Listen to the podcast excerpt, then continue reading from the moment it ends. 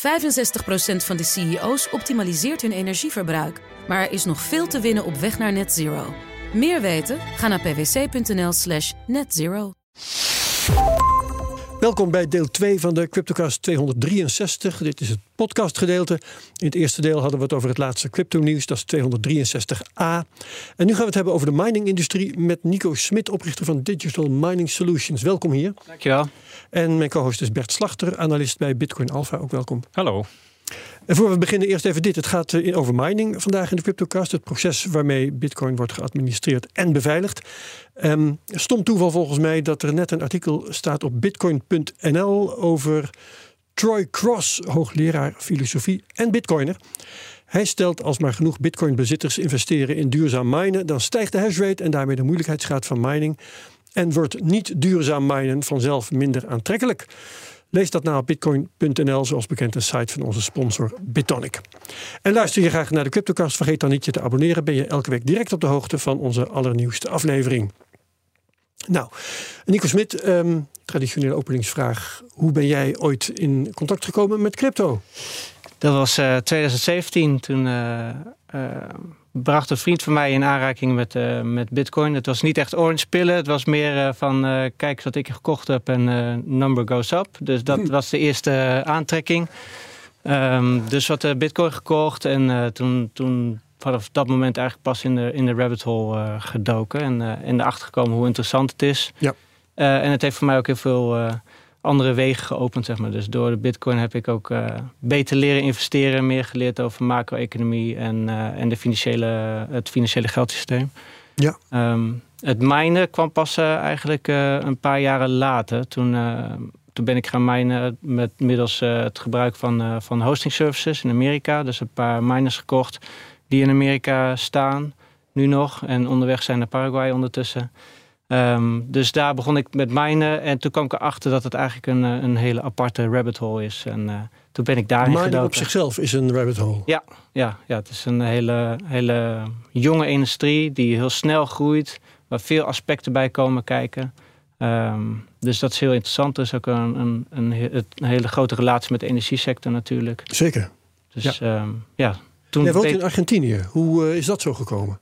Uh, mijn vrouw is Argentijns. Uh, die heb ik hier in Nederland leren, leren kennen. Die woonde toen ik haar leerde kennen hier vlak bij de studio eigenlijk. Aan de andere kant uh, van de Amstel. dus het is een buurtje dat kunnen blijven. ken. ja. ja. ja, en zij woonde hier 16 jaar. en ja, eigenlijk toen we ons eerste kind kregen, zei ze van ik wil terug naar Argentinië. Zeiden altijd over vijf jaar, over vijf jaar. En toen op den duur, toen was het zover. Kreeg zij kans via haar werk. En toen hebben we die sprong gewaagd. En anderhalf jaar geleden eigenlijk hier alles uh, achtergelaten en die kant ja. op gegaan. Ja. En in Argentinië ben jij puur ondernemer, mining ondernemer? Ja, dus ik, uh, ik werkte eerder voor RVO, Rijksdienst voor Ondernemen Nederland. Uh, en daarbij uh, managede ik programma's waarbij we Nederlandse ondernemers naar de Latijns-Amerikaanse markt brachten. Ja. tenminste, Latijns-Amerika was mijn regio. Dus, Heb je zo je vrouw ook ontmoet? Nee, nee die, wel, wel via werk. Dus onze eerste okay. baan werkte bij een NGO hier in Amsterdam. Zo hebben we elkaar leren kennen. Okay. Dus uh, niet via, via die baan bij RVO. Maar uh, eerder kon ik, uh, het eerste moment kon ik nog doorwerken voor de RVO vanuit, vanuit Argentinië. Want ik werkte veel met de ambassades daar samen. en ondertussen was ik al voor mezelf begonnen als consultant. En, en toen ik daar was, zag ik de kansen voor de, voor de miningindustrie. Omdat in de regio de energie goedkoop is en veel uh, energie in overvloed en uh, veel wasted energy ook, wat, uh, wat de eindgebruiker niet bereikt. Dus toen ben ik samen met een vriend van mij uit Argentinië Digital Mining Solutions gestart. Ja, dus um, jij stelde al vast dat, dat daar. Um, is het ook in Argentinië het geval trouwens? Dat daar veel energie over is, dat er energie wordt weggegooid? Uh, de, op sommige plekken wel. In het zuiden wordt er veel uh, gas gewonnen. Dat, uh, ja, je ziet veel installaties die niet de connectie hebben met, met het algemene grid. Dus de, de, één ding is het, is het gas uit de grond halen, maar het tweede ding is het vervoeren. Het, het, het vergt veel volume, dus die pijplijnen, dat, dat kost heel veel geld. Um, dus daar is, zijn installaties gebouwd, maar de pijplijnen zijn nog niet geconnect. ik ken een paar miners die daarmee aan de slag gaan ook. Uh, maar in Argentinië is over het algemeen de energie heel erg goedkoop, want het wordt gesubsidieerd. Dus zelfs uh, op de grid kun je heel goed, uh, goed. mijnen, winstgevend mijnen. Ja. En we hebben een aantal kleinere installaties opgezet in, in Argentinië. maar voor buitenlandse investeerders is het een te risicovolle, risicovolle markt. Omdat ja, als je eenmaal je assets in het land hebt, kun je ze er moeilijk uitkrijgen. Argentinië dan specifiek? Argentinië, ja. ja. En uh, er is een importlimitatie op uh, meerdere producten, omdat uh, het land de dollars in, in het land probeert te houden. dus het aantal dollars wat het land uitgaat wordt beperkt. Dus daardoor zijn de ASICs ook, ook redelijk duur in Argentinië, wat het minder aantrekkelijk maakt voor buitenlandse investeerders. Ja. Voor Argentijn is het wel interessant, want die doen hun uitbouw van de mines in pesos, betalen hun operatiekosten in pesos. En wat eruit komt rollen is bitcoin, wat ze 24-7 kunnen omwisselen voor dollars. Ja, is in uh, Argentinië. Ja, sorry, ja, dat, vraag? dat vind ik interessant, want dat is namelijk de reden. Is dat, wordt genoemd als reden dat China in 2021 de bitcoin miners het land uittrapte.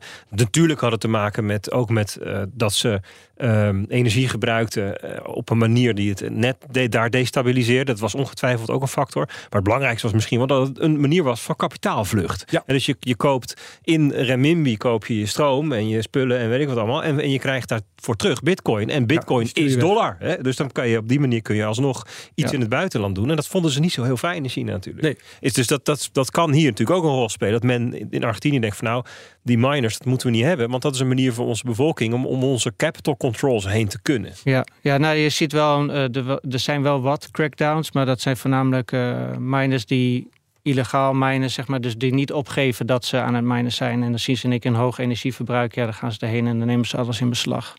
Uh, als je het gewoon uh, netjes allemaal boven tafel doet, dan is er op zich niks aan de hand. Okay. Nee, want dat is inderdaad ook een, een vraag die ik had. Je, je, maar op een iets andere manier verwoord dan. Um, je helpt het land van een overschot aan energie af. En je helpt mee dat uh, in klinkende munt om te zetten. Maar die klinkende munt, daar staat de overheid natuurlijk wat aarzelend tegenover.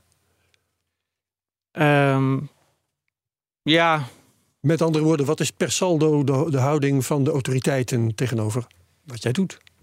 Nou, er is niet echt een hele duidelijke houding. Uh, ook hoe er om wordt gegaan okay. met crypto, zeg maar, uh, richting de Belastingdienst. Dat uh, zijn redelijk vrij interpreteerbare regels. en het hangt er maar net vanaf uit welke sector je komt, hoe je het interpreteert. Ja, ja. Kun je daarmee zeggen dat het nog niet echt op de radar staat van de overheid? Nou, het staat wel op de radar, maar het is geen prioriteit, laat ik nee. zo zeggen. Nee, nee, nee. Goed, maar dat, dat doe je dus wel in Argentinië, maar je concentreert je op Paraguay. Ja, nou, wij uh, zagen dus dat er behoefte was vanuit uh, Europa en vanuit Amerika om te investeren in Zuid-Amerika, uh, omdat de energie daar goedkoop is. maar ja, wij leiden liever niet buitenlandse investeerders naar Argentinië. Dus toen zijn wij. Waarom niet? Nou, om die, het, omdat als je eenmaal je geld in het land hebt, is het ja. moeilijk eruit te krijgen. Dus er zit, er zit wat risico uh, achter. En, toen en zijn wij bedoel je dan RVO? Of, uh... Nee, nee, nee. Dit nee? is al lang niet meer, okay. niet meer RVO. Nee, Voor de duidelijkheid. Ik, nee, ik ben uit de RVO toen gestapt voordat ik met de Bitcoin mining aan de slag ging. Ja, dus dan heb je het over Digital Mining Solutions. Digital Mining Solutions, ja. ja. Um, maar ja, voor buitenlandse investeerders zijn we dus gaan kijken van waar in Latijns-Amerika is het wel interessant. En daar komt Paraguay gewoon naar voren. Dus wij, uh, wij zijn uh, op zoek gegaan naar partners, lokale partners. En uh, hebben in Paraguay een goede partnership opgezet. waarbij er een, een combinatie is van Paraguayanen en Canadezen. De Canadezen die hebben echt de kennis in het uitbouwen van, van de miningoperaties. En de Paraguayanen meer in in, uh, in de importgedeelte, uh, zeg maar. Ja, en dan, ja, dan hebben we natuurlijk over Paraguay zo'n beetje dezelfde vragen als over Argentinië. Hoe, hoe zijn daar de omstandigheden? Oké, okay, ze hebben overschot aan energie. Ja. Maar uh, hoe denken ze over die bitcoins die jouw activiteiten opleveren en ja, wat de mensen daarmee doen? Nou ja, over het algemeen is er in Paraguay veel meer opere houding richting buitenlandse investeerders. En, en ze proberen ook industrie aan te trekken, maar Paraguay is landlocked. Dus het is niet voor heel veel industrieën niet interessant om daar te gaan zitten. Mm -hmm. um, en dus ja, uh, wat moet ze met die energie? En daar, uh, ja, daar komen de miners op af. Uh, dus andere zware, in, weinig andere zware industrie die daar gebruik van maakt. Ja. Dus het is een oplossing voor de overheid of de regering daar. Het is wel zo dat er voor- en tegenstanders zijn. En er is altijd wel getouwtrek over wat er nou moet gebeuren met de, uh, de industrial rates voor de miners. Industrial rates? De, de, de prijs die men betaalt voor de... Stroomtarieven. Hè? Ja, de stroomtarieven, ah, zeg maar, voor de industrie. Dat zul je hier vast ook hebben, dat je verschillende tarieven hebt voor huishoudens als uh, industrie. Ja. Dus daar zijn wel uh, discussies over in het congres. maar is nog geen be beslissing gevallen. maar ik weet ook dat Ehm, dat er mensen die uit de regering, uit de regering die, die aan mijnen zijn. Dus uh, oh, er liggen ook bepaalde belangen daar die uh, misschien niet, die je niet leest op de normale nieuwskanalen. Maar ja, er zijn senatoren en ik heb zelfs gehoord dat de president aan mijnt. Dus, Geestig. Oh, kijk. hey, je vertelde over de stroom, maar vertel eens iets over hoe dat dan zit met de stroom of de energievoorziening in, in Paraguay. dat is 99,9% hydropower. Dus eigenlijk volgens mij het enige land wat volledig uh, hernieuwbare energie gebruikt. Hoofdzakelijk Andes uh, gebied, hè? Volgens mij. Nou, het is de, de Rio Paraná waar de grootste, grootste rivier of de dam aan ligt. Uh, en dat komt veel uit de Amazone. En, en oké, dus daar er is een dam en daar zitten uh, turbines in en er wordt stroom opgewekt. En die kan, uh, die, je, je, had al, ik had begrepen dat dat ook voor de helft nog van voor Brazilië is dan of zo. Ja. Hè? Ja, dus uh, uh, het is een gezamenlijk project van die twee landen. Paraguay heeft lang schulden gehad bij uh, Brazilië voor het afbetalen van die dam. en, en dit jaar bestaat de dam 50 jaar en daarmee lopen die leningen ook af.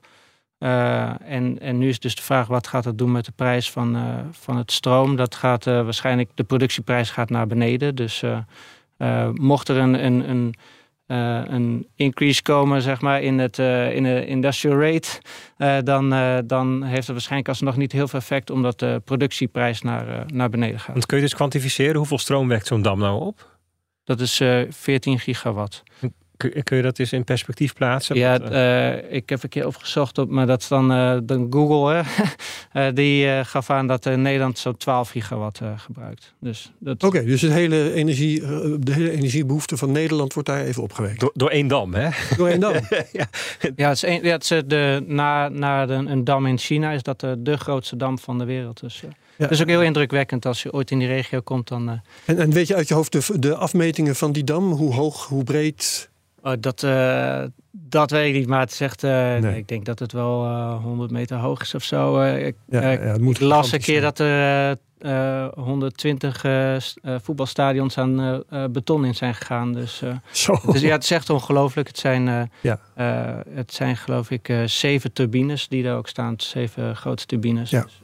En um, jij, hebben we al gezegd, jij helpt uh, de overheid, of nee, je, het energiebedrijf, ik weet niet precies hoe je, hoe je dat moet zeggen, help je van dat overschot aan energie af. Voor een deel. Uh, hoeveel hoeveel uh, megawatt of gigawatt kun je absorberen met je miningapparatuur? Nou, dat is eigenlijk onbeperkt. Maar, Jawel, maar hoeveel op dit het, moment? Het, het, kost wel, het kost wel geld natuurlijk om dat allemaal op te zetten. Dus ik, de, de gehele miningindustrie ik denk dat dat in, in Paraguay nog onder de 500 megawatt zit. Uh, wij werken veelal met operaties van, uh, van 3, uh, 6, soms 10 megawatt. Wat kleinere operaties, ze noemen dat mini-mines. Als je het vergelijkt met een Riot in, in Texas, die bijvoorbeeld een faciliteit van 750 megawatt hebben, zijn het kleinere mines. Maar dat is wel een goede manier van werken, omdat het minder investeringen kost in substations en de uitbouw. Ja. Je bent wat wat uh, mooi, meer agile, zeg maar. En zet je dat in de buurt van die dam neer? Of maakt het niet uit waar in het land? Want, uh, ja, dat maakt wel uit. Ja, wel? Wij zitten dicht bij de dam, omdat uh, de, het opwekken is allemaal goed geregeld. Maar de distributie is wel um, ja, op sommige plaatsen niet, niet van even goede kwaliteit. Ja. Dus hoe verder ja. je van die, van die substations af zit, hoe, hoe minder stabiel de de connectie wordt. Daarom zitten we ook uh, dichterbij, zodat een stabiele, ja, ja. stabiele... Dat heeft natuurlijk wel een bepaalde logica. Hè? Als je een overschot gaat opmaken, dan uh, is dat geen energie waar ze eerst hoogspanningsleidingen voor hebben aangelegd. Nee, precies. Nou, dat, dat, dat, hè? maar er gaat ook gewoon veel energie verloren als je stroom transporteert. Dat natuurlijk dat ook. Dat is natuurlijk ook heel, uh, heel, heel, heel verliesgevend. Ik zit even te kijken bij Cambridge. Hè? Dat is onze favoriete bron voor energieverbruik, Zeker. Bitcoin. En die zeggen estimated nu, veer, toevallig 14,02 gigawatt. Dat, wat nu het verbruik is van het hele Bitcoin-netwerk. Dus het hele Bitcoin-netwerk zou je met die ene dam op dit moment trouwens kunnen poweren. Maar als jij zegt... Evenveel als een land als Nederland. Ja, als jij zegt 500 megawatt, hè, dat is een halve gigawatt, dan zou dat betekenen dat dat 3,5% is van hele Bitcoin mining. Ah ja, in, dat, nou, zou, zou wel eens kunnen. De data wat, uh, wat op de Cambridge website staat, dat is uh, ten eerste outdated. Dus ja, de geografische maar... data is verouderd. Ja, ja, verouderd. Ja, dus de, die is van uh, januari 2022. Ja. En dat is gebaseerd op uh, IP-adressen, geloof ik. Dus uh, hoe dat, uh, die berekening is, is meer een inschatting dan. Ja, ik denk het zegt wat meer over de, de algemene verhoudingen tussen landen. Ja, precies. Ja, dus op de, de, de mining map die geeft nu nog 0,15% aan voor Paraguay. En Brazilië, um, even kijken, 0,06, of het is Argentinië. Brazilië pakken 0,33. Dus die hele regio is eigenlijk volgens hun nog heel weinig. Maar ja. dat kan ook zijn omdat het nou ja, anderhalf jaar bijna oud is. Bijdragen aan alle mining. ja, ja, precies. Ja. Dus jij zegt van nou dat is inmiddels eigenlijk wel wat groter waarschijnlijk dan, uh, dan wat zij Ja, ik denk dat het gegroeid is de afgelopen jaren. Maar uh, ja, ik weet niet precies. Het staat vast wel omschreven ja. hoe het gemeten wordt. Maar met die IP-adressen dan is dat ook niet altijd. Uh, dat klopt wordt veel VPN gebruikt. Dus, uh. Maar ik, ik moet zeggen dat ik dat zelf heel positief vind. Omdat um, uh, de, ja, best wel wat concentratie is gaan ontstaan in Amerika. En dan ja. in het bijzonder in Texas de afgelopen uh, anderhalf jaar. Hè, eigenlijk de, de, nadat die miners weggejaagd zijn uit China. is er heel veel ook naar Canada, maar zeker uh, Verenigde Staten gegaan. Overigens schijnt er nu gewoon nog steeds wel weer in, in, uh, in China gemined te worden hoor. Ja. Maar een beetje geografische spreiding, en, uh, laten we zeggen grofweg over allerlei werelddelen. In het kader van de decentralisatie bedoel ja, je? Even ja, de decentralisatie. Dus dan heb je decentralisatie heb je natuurlijk over veiligheid aan de aanvalbaarheid van het netwerk, maar ook de invloed mogelijkheid van, van ja, invloed van, van overheden. Hè. Dus ja. het is heel gunstig om ook geopolitiek gezien op allerlei, in allerlei machtsblokken uh, mining power te hebben. Dus wat dat betreft is het vanuit, vanuit namens het Bitcoin-netwerk bedankt. ja, nou, ik denk uh, als je kijkt naar uh, een mogelijke uitstroom zoals in China is gebeurd, dat, dat, dat gaf wel een deuk in de, in de hash rate, maar het heeft het netwerk niet uh, nee, naar beneden gehaald. Dus wat dat betreft zie ik geen risico, maar het is eerder inderdaad concentratierisico. overheid wat misschien kan ingrijpen, waardoor de uh, censuur op de, op de blockchain. Uh, ja. Laten we dan toch even naar die overheid in Paraguay kijken. Want um, ja, jij komt daar als bedrijf en jij gaat daar stroom zitten afnemen. Ja. En uh, de Paraguayanse overheid maakt zich geen zorgen over wat jij daarmee produceert. Of? Nee, dat is dat, dat zeg maar de, de grid operator, degene die de energie levert, dat is een overheidsinstantie. Uh, die, die weten wat de business inhoudt. In het energiecontract staat ook omschreven dat de energie wordt gebruikt voor, uh, voor mining. Dus uh, ja, daar zijn ze ja, zich volledig van bewust. Ja. En die bitcoin, want um, we hadden het over Argentinië. Dat is een land dat wel moet vrezen voor kapitaalvlucht. Met ja. de labiele peso en zo. Um, is dat in Paraguay geen probleem? Nou ja, de, veel miners die daar minen, die houden niet hun bitcoin in dat land. Nee, maar het is wel zo, uh, de energie wordt afgenomen. Uh, om zo'n mine te bouwen worden lokale resources gebruikt. Um, uh, lokale mensen worden ingezet en getraind. Er worden nu reparatiecentra opgezet. Dus ja. mensen worden daar getraind om in de industrie te werken. Dus het geld waarmee jij die stroom betaalt, dat blijft allemaal gewoon in het land dat via blijft normale in het land. En, en daarnaast dus de de uitbouw en, uh, en, dus de, en de mensen. Dat is gewoon jouw bedrijfsomzet uh, of winst. En uh, maakt verder niet uit wat jij daarmee. Dus maakt de Paraguayse overheid zich geen zorgen. Moet je daar belasting over betalen eigenlijk? Moet je aangeven hoeveel bitcoin je hebt geproduceerd en daar belasting over betalen? Hoe werkt dat? Nee, uh, je betaalt in principe belasting over de, over de energie of de elektriciteit. Uh, de belasting over de bitcoin, dat, uh, dat geef ik hier aan, zeg maar, omdat dat een van mijn, uh, van mijn rekeningen is die ik opgeef bij de belasting. Ah zo, ja, ja dat komt gewoon dan weer dat is je, ja, naadloos je vermogen, zeg maar. Zo, ja. Ja, ja, ja, ja. En, Interessant. En, maar we hebben het over jij. Ben jij zelf degene die daar mindt? Want nee, ik, ja, ik zat ook jij, wel. Ja, jij, zat, nee. jij, jij, adviseert bedrijven. Ja, toch? dus ik, uh, een van mijn inkomstenbronnen is mijn eigen miningmachine. Maar uh, uh, wat ik in Paraguay voornamelijk doe, is het, het faciliteren van bedrijven die aan de slag willen gaan in de miningindustrie. Ja, zo, ja, ja. Of willen uitbreiden. Hè. Dus veel klanten. Wat voor die... bedrijven zijn dat dan? Uh, investeringsfondsen of, of miners die al, uh, al bezig zijn. Uh, dus die al bijvoorbeeld in Amerika mines hebben. En, en... Je, je, noemde tijdens het radiodeel de Marathon of weet je, dat soort bedrijven zijn die nee, Je hebt een Bitfarms, dat de grote is, die in, in Paraguay zit. onlangs is een groot bedrijf, Power, Power, POW .re. Die hebben grote, grote uh, contracten binnengehaald van 100 megawatt. Dat is een Canadees bedrijf. Geen publiek bedrijf, maar uh, of openbare, hoe noem? Uh, ja, publiek, dus dat de aandelen verhandeld waar, ja. zijn. Ja, ja, Beursgenoteerd. beursgenoteerd, dat was het woord. um, maar wat was de vraag? Sorry. Nou ja, wat voor soort bedrijven zijn ja, Dus, voornamelijk partijen die al mijnen en die hun risico willen spreiden door te gaan mijnen in een ander land.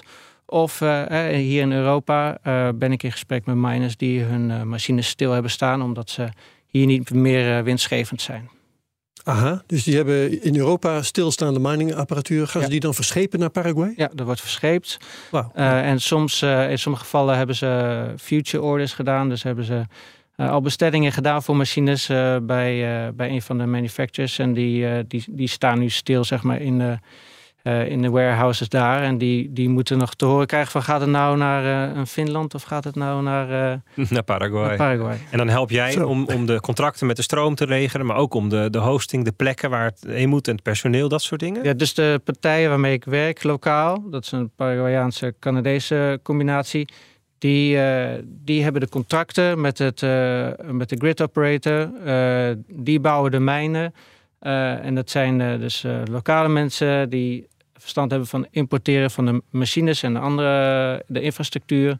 Die verstand hebben van het bouwen, maar die nog de commerciële link missen. En ik ben eigenlijk de, de, de derde voet daar, zeg maar. En ik, ik ben degene die de, de investeerders binnenhaal. En in sommige gevallen zijn er bedrijven of partijen die willen zelf minen. Hè, dus hun eigen machines neer willen zetten om, om bitcoin te genereren. In andere gevallen zetten we een hosting business op. Dus dan uh, ontwikkelen een mine en daar komen dan uh, machines van, van derde weer te staan. En, en in veel gevallen adviseer ik om een combinatie te doen, want het, het hosten is een business wat een cashflow in dollars oplevert. en dat geeft je een buffer ook om, om je gemijnde bitcoin vast te houden in, in moeilijke tijden. Interessant. Bert, heb jij nog meer vragen over het minen op zichzelf? Want anders dan gaan we namelijk over ehm, naar de crypto in uh, Latijns-Amerika. Ja, dat lijkt me een hele goede. Want uh, we hebben het nu gehad over mining in Paraguay. En ik zou ook wel iets meer willen weten over mining in überhaupt in, in Zuid- of in Latijns-Amerika. Maar dat kunnen we dan heel goed doen vanuit crypto in Latijns-Amerika. Ja, want um, je hoort wel eens wat over uh, Latijns-Amerikaanse landen. Uh, nou ja, uh, bijvoorbeeld in Brazilië, daar rommelt het wat op het gebied van wetgeving. Hè. De, ik zal niet zeggen dat daar wettig betaalmiddel direct boven de markt hangt. Maar er waren wel wat pro-bitcoin politie waren daar. Ja, precies. en, en, wetsvoorstellen en dat soort zaken meer. Venezuela wordt natuurlijk vaak genoemd als een land met een dusdanig labiele economie dat ja. bitcoin daar interessant zou zijn. welke landen in Latijns-Amerika overzie jij vanuit Argentinië? Daar durf je wat over te zeggen? Nou ja, ik, uh, ik heb voor mijn vorige werk ook veel Colombia en Peru en uh, Bolivia gezeten. Ik, ik, werk samen met uh, een partij uit, uit Chili. Dus ik ken wel op grote lijnen de, de markt in Zuid-Amerika. Vertel maar eens wat. In welke landen is Bitcoin nou iets groots? Nou ja, ik, ik, zei ook in de voorbereiding van uh, meer dan bitcoin zijn het de stablecoins waar mensen uh, naar kijken. en dat heeft ermee te maken dat, uh, dat men gewend is om, de dollar. om, om in dollars te sparen. Dus het vertrouwen in de bank is laag. Als men salaris krijgt, dan wordt het opgenomen en het liefst omgewisseld in dollars. En dat wordt in het huis verstopt. Dus ik ken ook al goede plekjes in het huis om je geld te verstoppen ondertussen. Um, dus de stablecoin is een, eh, een, een logische stap voor, uh, voor mensen. Maar in het straatbeeld zie je het al veel meer, veel meer reclame dan, uh, dan hier in Nederland. En, reclame voor wat dan precies? vele exchanges of um, eerder lenders waar je yield kon, kon genereren. Um, pasjes, hè, dus dat je crypto kan betalen gelijk in winkels, dat soort dingen. Ja, ja. oké. Okay, en um, Bitcoin dus niet, Ethereum ook niet? Nou, er is wel een grote Ethereum community in, uh, in Zuid-Amerika. Uh, in Argentinië zelf is, is ook best wel een grote IT-hub en veel, veel developers die daar bezig zijn. Dus als er een, een Ethereum meetup is of conferentie of whatever, dat, dan zie je daar veel mensen op afkomen. Eigenlijk meer dan een Bitcoin-conferentie. Luna was er ook heel populair. Uh, maar ja, daar zijn veel mensen afgehaakt. Dus, uh. Dat is duidelijk. Ik, ik hoorde ooit uh, van Vitalik Buterin die daar was. En die zei van ja, wat mij dus verbaasde, is dat um, mensen daar um, heel veel met, best wel wat met crypto doen.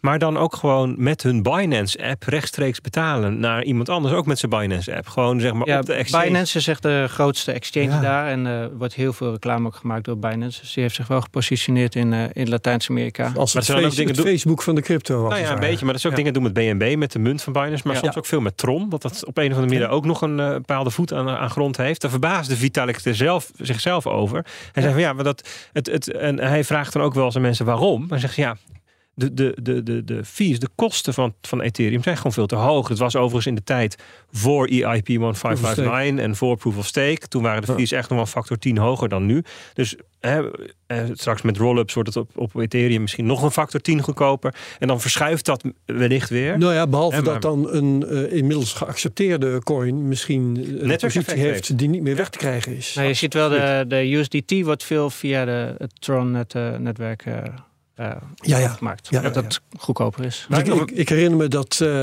uh, bepaalde, zo vinden wij nu hele vage sociale netwerken, Friendster of zo, die blijken dan toch weer groot te zijn ergens, ergens in een Aziatisch land of in een Latijns-Amerikaans land. Ja. Ja. En zo kan dat natuurlijk met bepaalde crypto's ook gebeuren. Absoluut, want dus het netwerkeffect betekent dat iets nuttiger voor je wordt naarmate meer andere mensen het ook hebben. Je buren. Dus je buren, ja, precies. je ziet ook bijvoorbeeld, uh, de websites zijn heel erg uh, achtergesteld in, uh, in Zuid-Amerika, maar zaken via Instagram zijn weer, dat, dat is weer heel normaal. Instagram gebruiken voor je, voor je webshop of uh, WhatsApp wordt ook heel veel gebruikt. Zelfs als je naar de dokter gaat, dan gaat het allemaal via de WhatsApp. Ja, dus het zijn gewoon andere, andere kanalen. Een soort leapfrog, hè? want die websites zijn allemaal gaar. Dus dan ga je het maar gewoon peer-to-peer doen met zo'n soort uh, platform. Ik ben er wel benieuwd. Hè? Je zegt van oké, dus veel in straatbeeld zie je dan veel advertenties. En Um, um, weet je, ik moet dan ook denken aan El Salvador, hè, waar het natuurlijk uh, iedereen heeft een ballet gekregen en ik geloof 25 dollar of zo. Uh, 30, 30, 30 ja, ja, iets in die orde grootte. Alleen dan, als je dan een half jaar of een jaar teruggaat, hebben natuurlijk veel journalisten gedaan, dan blijkt dat eigenlijk maar heel weinig mensen het gebruiken. Er zijn er een hoop die hebben die drie tientjes ervan afgehaald, maar daarna, ja, weet je, ik moet er niks mee te maken hebben. dollars. Ook, ook met het ideaal. Ik wil, of ik wil dollars, of, um, ja, weet je, mijn leven is al gecompliceerd genoeg zonder al die ellende. En dan blijkt dus dat de daadwerkelijke crypto-adoptie in zo'n land mm, ja, nog best wel tegenvalt. En hoe is dat dan? Vraag me af. En de landen die jij dan kent, van, uh, zijn het dan vooral de jongen, de techies die er dan wat mee doen en de rest van de bevolking niet? En is het heel veel reclame? Maar daar blijft het ook bij? Of nou, het, het zijn wel, denk ik, meer jongeren inderdaad. Maar uh, je, je hebt sowieso best wel veel uh, manieren om te betalen. Ook als ik het dan over Argentinië heb. Hè. Je hebt uh, Mercado Libre, wat, uh, um, uh, wat je kunt vergelijken met een Amazon. En die hebben een eigen pay betaalfaciliteit. rail, zeg maar. Ja, en ja. dat wordt ook heel veel gebruikt, de QR-codes. En dan betaal je via je, je, je Alipay, maar dan voor Mercado Libre, zeg maar. Ja, ja, oké. Okay. Ja, en jij wilde meer weten over mining in Latijns-Amerika in het algemeen. Ja, dus dat ben ik dan ook wel benieuwd naar. Van dus, uh, dus mining specifiek in um, Paraguay. En dan heb je natuurlijk een vrij unieke situatie van een, um, een, een land wat geen havens heeft, waar je dus moeilijk import-export regelt en wel heel veel energie over. Ja, wat ga je daarmee doen? Nou ja, het is misschien wel handig als wat we toch niet kunnen gebruiken als er wat wordt gemined. Het zorgt voor wat werkgelegenheid, het zorgt voor uh, wat inkomsten. inkomsten ja. Weet je wel? Maar hoe zit dat verder in al die landen? In, uh... Nou, in, uh, in Chili heb je heel veel duurzame energie wat opgewekt wordt. Hele grote windparken, zonneparken die moeite hebben om uh, alles in de, in de grid te, te stoppen. Dus daar zijn we ook bezig om te kijken van kunnen we met dat overschot wat. en als je kijkt naar een Peru bijvoorbeeld, hebben we een traject lopen op, op stranded gas. Uh, maar daar is het politiek wat instabiel momenteel. Dus uh, dat staat op Stranded gas? Dat is een of ander overschot uit de olieindustrie? Nee, stranded gas is uh, wanneer. Dit is dan in de. vlak bij de Amazone hebben ze een gasbel ontdekt. Dat gaan ze winnen. Um, maar ja, dan staat de installatie daar en dan moeten de pijplijnen nog neergelegd worden. En ondertussen is er een nieuwe regering en die legt daar geen prioriteit neer en is er geen financiering meer voor. Dus dat gas wordt afgefakkeld, zeg maar. Dus het is er gewoon gas wat, uh, wat gewonnen wordt, maar niet, uh, niet de eindgebruiker uh, haalt. Ik, wat, wat we vaak, als wij in gesprek zijn, ook um, met um, sceptici, um, die zeggen vaak van ja. Het is leuk dat je een paar voorbeelden kunt noemen waar daadwerkelijk stranded energy wordt gebruikt of waar de productiecapaciteit hoger is dan um, de afname. En dan uh, zeggen ze bijvoorbeeld, maar ja, bijvoorbeeld ook in China, daar zeggen ze altijd waterkracht. Maar ja, toch allemaal kolen. Dat, het is grotendeels kolen, maar een klein stukje van het jaar. En het is ten koste van andere industrie. Het had ook op een andere manier gebruikt kunnen worden. Dus het zal, je zult vast een paar anekdotes kunnen noemen. Maar over het algemeen genomen is mining gewoon slecht, vervuilend, destabiliserend enzovoort. enzovoort. de wereld. Dus daarom ben ik benieuwd van, weet je, kijk. Je hebt al de Bitcoin Mining Council, die houdt bij hoeveel uh, ja, dan ze, ja, maar energie wordt gebruikt. Dat ligt geloof ik rond de 60%. Maar ik denk dat het. Uh, uh, Net zoals de algemene energietransitie is het een transitie. Zou het niet van de een op de andere dag allemaal duurzame hernieuwbare energie zijn. Maar uh, het wordt steeds moeilijker om te minen, want er komt steeds meer computerkracht online. Dus de, de reward wordt uh, per machine steeds uh, lager. Dus wat je dan moet doen is je, is je kosten drukken. En 80% van je operatie is energiekosten. dus Bitcoin mining gaat naar de plekken waar energie goedkoop is. En dat is waar, waar het of stranded of wasted is. Dus dat het niet gebruikt wordt of, of verloren gaat. Ja, maar dat, dat, dat, vind ik wel belangrijk. Dit is wel significant. Hè? Want je hebt het over 100 megawatt, dat soort contracten. Ja, dat gaat over procenten. Dat gaat niet over. Dit is niet, dit is niet meer een anekdotisch symbolisch minertje die ergens wat groens doet. Dit gaat over significante delen van het netwerk. Van je zegt van die zijn aan het bewegen daarheen. Dat, dat, dat is niet alleen dat ik dat zie, maar ik help ze daarbij. Dit gebeurt echt. En dat is denk ik wel uh, interessant. Ja, ja. Um, enige wat je als even advocaat, als advocaat van de duivel. Ja. Um, door uh, op deze manier uh, landen, energiebedrijven van overschotten af te helpen, haal je een stimulans weg voor die landen, die bedrijven, om daar iets anders mee te doen. Kun je dat nog zeggen? Want eh, als ze heel tevreden zijn met die opbrengst van mining. Ja, nou ja, kijk, als, ze, als zij het duurder kunnen verkopen aan een andere industrie, dan uh, zullen ze de prijs omhoog gooien. En als het dan te duur wordt voor de miners, dan zullen die gaan vertrekken. Ja. Dus ja, meestal stappen de miners daarin waar ja, er geen andere klant voor de energie is, geen andere afnemer. Of dat, uh, dat er gewoon meer verdiend kan worden. Dus op den duur, dat als de vraag hoger wordt, doordat er andere industrie is of andere activiteiten die behoefte hebben aan energie, dan zou de prijs omhoog gaan en dan wordt het niet meer aantrekkelijk voor, ja. voor de markt. En, en wat zijn wat jou betreft de vooruitzichten van nou ja, die waterkracht in Paraguay of dat gasproject in de Amazone dat je net noemde? Um, zien de autoriteiten wat jij doet als iets tijdelijks? Van laat ze maar mijnen zolang we geen andere afnemers hebben daarvoor? Ja, dat is, dat is een goede. Ik denk dat in Latijns-Amerika is over het algemeen de, de mentaliteit wat meer tijdelijk, omdat het uh, ja. Alles uh, is tijdelijk. Ja, het is financieel, het financiële systeem, maar ook politiek en economisch is het gewoon veel instabieler dan hier in Nederland. En, en men leeft wat meer met de dag. Dus ja, die instelling zul je altijd wat meer houden. Dat men kijkt van oké, wat kunnen we nu doen? Uh, en, en dat ze daarop inspringen. Dat zie je ook bij ondernemers. Daar is veel mensen staan open voor mijnen. Veel Latijns-Amerikaanse mensen staan open voor mijnen, omdat ze gewoon uh, gewend zijn om wat meer risico te, te nemen. En, uh, en ja, dat de kans bestaat dat ze hun geld verliezen. Het leven is toch onzeker. Ja, het leven is onzeker. Dus waar, waar je kan, daar grijp je kans. Ja, ja um, en um, wat er dan gemined wordt, uh, jij, jij uh, ziet nogal wat uh, miners voorbij komen, daar neem ik aan. houdt iedereen zijn coins vast? Of verkopen ze hem juist? hoe zijn de omstandigheden? Wat, wat hebben ze voor motieven om hun coins juist wel of juist niet te verkopen? Nou ja, ik denk dat de meeste miners zijn long bitcoin. Dus die, die geloven in, in het toename van, van de waarde van, van bitcoin. En eigenlijk zou alle, denk bij de meeste miners wel hun geld of hun bitcoin willen vasthouden. Maar ja, dat is niet altijd mogelijk. Je hebt ook hoge operatiekosten die je moet dekken. Als jouw uh, mining business geen andere inkomensstromen heeft, dan zul je bitcoin moeten, moeten verkopen om die operatiekosten te, te dekken. En daarom ja, vind ik het ook een interessant model om zowel hosting als self-mining te doen. Want dan creëer je een, een inkomen waarmee je je operatiekosten kunt dekken. En dus je, je bitcoin kan vasthouden, anticiperend op een prijsstijging. Ja, ja. Um, eens even kijken. De de bear market, is die nog uh, van invloed op jou? Want ja, mining is minder rendabel geworden. Zeker, uh, ja, ja, ja, Wordt het daarmee ook echt moeilijker? Of is de energie daar zo goedkoop dat je daar helemaal geen last van hebt? Nou ja, de bear market heeft iedereen geraakt. En uh, ja. um, iets waarin we winstgevendheid rekenen is hash price. Dat is, het wordt eigenlijk beïnvloed door de bitcoin prijs en door de difficulty. Uh, wordt gerekend in, uh, in uh, cents per, per per dag wat je kunt, kunt maken. dat is wel enorm gekelderd. Dus eerder was het 40, in, de, in de top van de bull market was het 40 cent per terahash per dag. En dat is nu zo rond nu 7. Het is zelfs tot 5 gegaan. Dus de, de, de marges worden een stuk lager. in Paraguay is energie dusdanig goedkoop dat uh, dat de meeste machines gewoon nog winstgevend zijn. Um, maar het, uh, het voordeel is dan weer van een bear market dat, uh, dat de miningmachines stukken goedkoper zijn.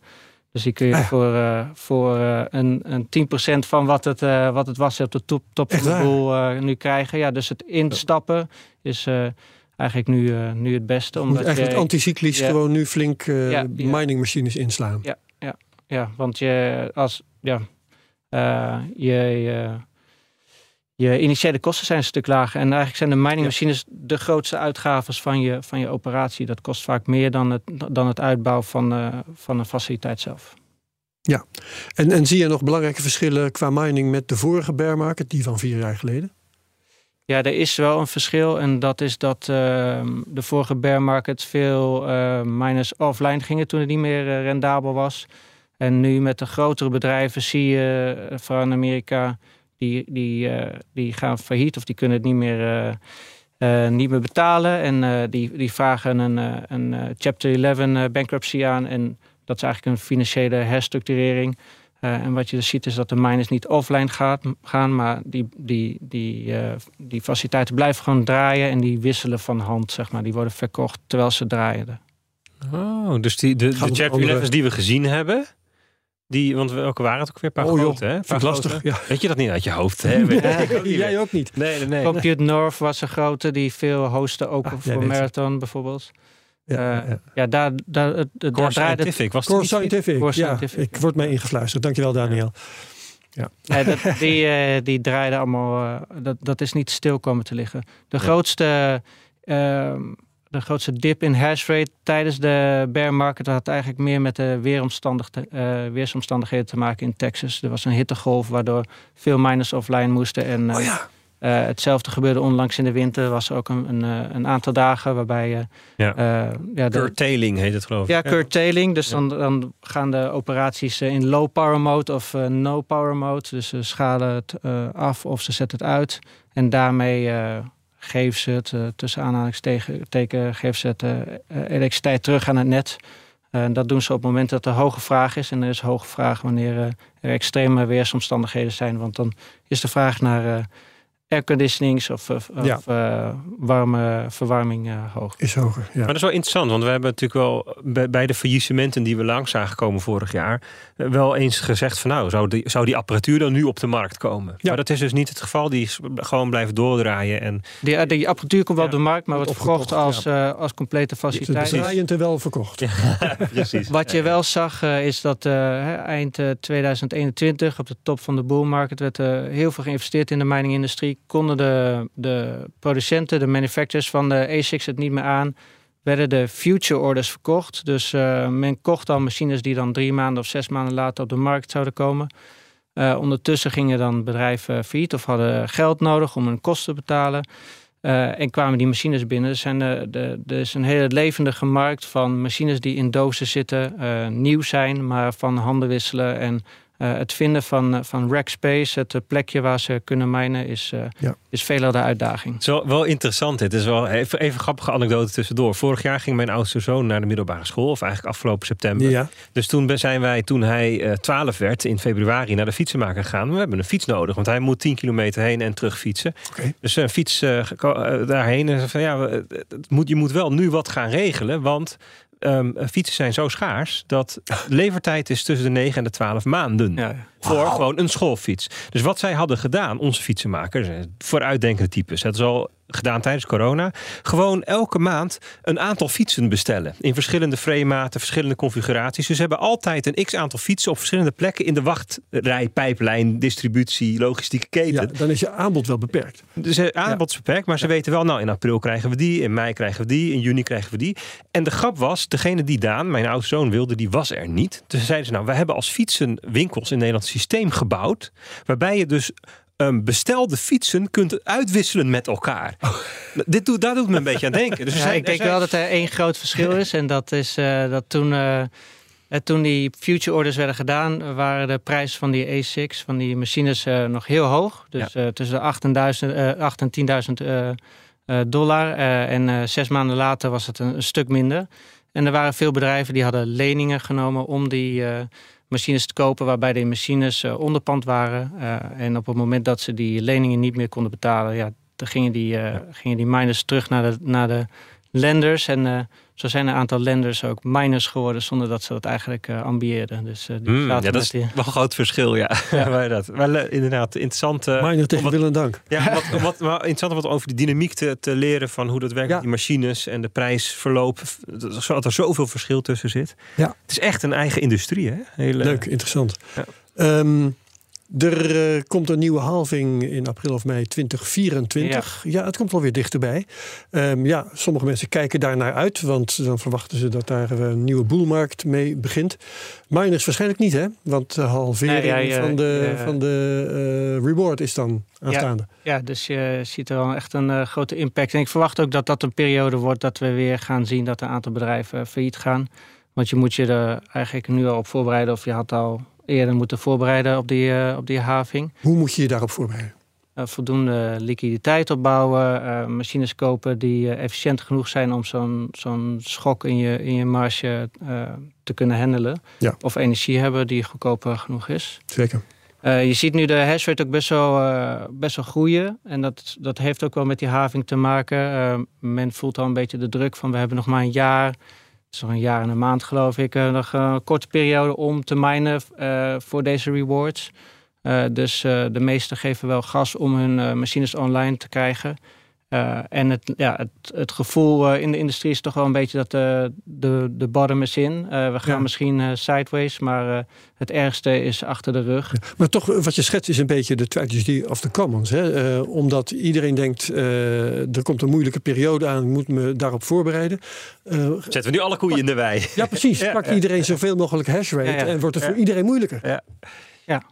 ja, de, ja het is eigenlijk mining is een hele gekke business. Want je wil eigenlijk dat, uh, dat uh, Bitcoin door het dak gaat, maar eigenlijk ook weer niet. Want dan wordt het uh, winstgevend voor iedereen. Komen te veel computers online en dan, dan gaat je eigen opbrengst weer. dus het is best zo apart. Ja. Nou ja, goed, het zijn de feedbackmechanismen. Die, ik ik ga niet Satoshi dingen in de mond leggen hoor, maar die wel zo bedoeld zijn. Hè? Dat ja, het, ja, het is, daar wordt het stabiel van. Ja, ja, het is een heel mooi systeem wat dat betreft. Dat weer wel. Maar goed, als miner heb je er maar mee te dealen. Maar goed, als je zegt van um, de, de blok subsidie halveert. dat betekent dat de hash price, waar je het net over halveert. Maar dat als de, de, de koers van Bitcoin verdubbelt, dan heft dat Natuurlijk. die halvering op. En dat is de vorige keer heel goed afgelopen. Ja, maar wel met een delay. Dus de vorige keer ja. Uh, duurde het zo zeven maanden na de halving dat, dat, uh, dat de Bitcoin-prijs ging stijgen. Dus ik verwacht nu ook een, een, een zwaardere periode, zeg maar, van een periode van low margins. Ja, uiteraard. Goed, nou dat, uh, dat moeten we dan zien. Um, zie jij een, een tijd uh, tegemoet dat de miners het kunnen doen met fees? Dus zonder die block reward? Ja, dat zie ik nog wel uh, eventjes duren, dat wel. ja, daar gaat uiteindelijk denk ik wel heen. Maar uh, ja, als je nu ziet uh, rondom de ordinals heb je een beetje een, een spike in de transactiefees. De bitcoin NFT's, om maar zo we hebben het een uh, tijdje ja, geleden dus er is een hogere ja. vraag naar block space, zeg maar. Ja. Waardoor, Jij verwacht daar wel wat van, want Peter Slachter in ieder geval, die was daar behoorlijk sceptisch over. Nou ja, wat we zagen is dat de, het aandeel van de transaction fees in de totale block reward, die steeg toen van ongeveer 1% naar 6 of 7%. En dat ja, is natuurlijk... Viel, als je keek naar hoe, uh, hoe, hoe, de block size toenam, uh, viel de uh, transactiefee ten opzichte van de reward viel nog wat tegen. Zeg maar. Ja, want je gaat namelijk voor, als je een plaatje van 4 MB in zo'n blok zet, dan ga je niet een ton voor betalen of Nee. zo. Dus er, er zit een soort van bovengrens aan wat die ordinals of die inscriptions uiteindelijk echt kunnen bijdragen. Dus je zult eigenlijk om echt meer fees te hebben, hoogwaardiger uh, transacties in die, in die blokken willen hebben. Die dus heel veel economische activiteit vertegenwoordigen. Waardoor Ja. het helemaal prima is om daar veel voor te betalen. Ja. ja, je ziet de spike in de transactiefees vaak rond de, de top van de boel en de, en de bottom of the bear. Dus dan, uh, dan zijn er veel transacties. Maar, uh, Maar dat is toch een beetje noodgedwongen. Dat is Ja. eigenlijk, Mensen willen niet heel graag heel veel betalen, maar het kan niet anders. En dus het liefste zou je natuurlijk willen dat er ja, dus eigenlijk is dat uh, het, uh, het, het, het, uh, de meme van het hoddelen. Dat is eigenlijk iets waar we vanaf moeten. We moeten het, uh, het uitgeven en Niet niet te uitgeven. hoddelen. Um, d- dat, uh, dat is vast waar. Maar um, jij noemt als eerste meteen die ordinals. Moeten we daar ook inderdaad van hebben? Is dat waar jouw hoop op gevestigd is? Oh nee, nee, dat is niet mijn Nee? hoop op gevestigd. Nee, nee, ik denk, ja, ik zag het nu spiken en het, uh, het uh, komt weer een beetje terug, de, de hoeveelheid uh, uh, ordinals. Maar uh, ja, ik, ik, ja, het is niet iets waar, uh, waar we op moeten hopen, denk ik. Daar ga ik niet mijn een, een mining business voor opzetten, zou ik zo zeggen. Nee, nee, nee, nee. Maar als we nu even kijken naar pak een beet uh, vier jaar na nu. Waar verwacht jij dan dat je staat daar in Latijns-Amerika? Ikzelf? Ja, nou ja, met, je business. nou, met, dan, met de miners die jij uh, al dan niet hebt geholpen om daar. ja, dan hoop ik toch wel een aantal faciliteiten daar uh, ja, hebben te staan. uh, of waar ik bij betrokken ben uh, geweest om dat op te zetten. En in welke landen allemaal? Uh, ik denk voornamelijk in Paraguay. Dat is wel waar mijn focus nu ligt.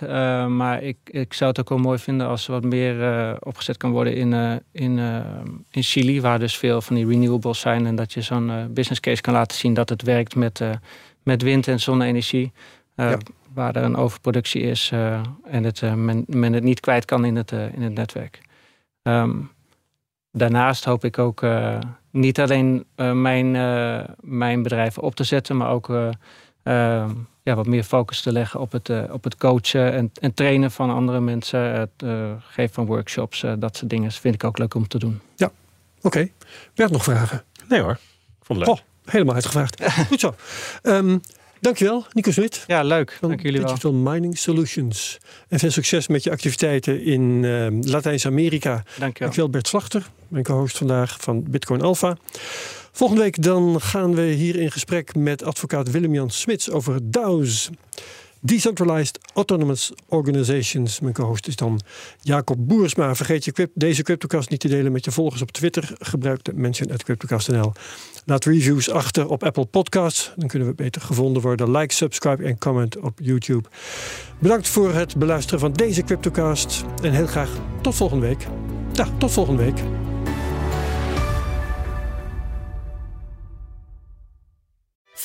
Procent van de CEO's optimaliseert hun energieverbruik. Maar er is nog veel te winnen op weg naar net zero.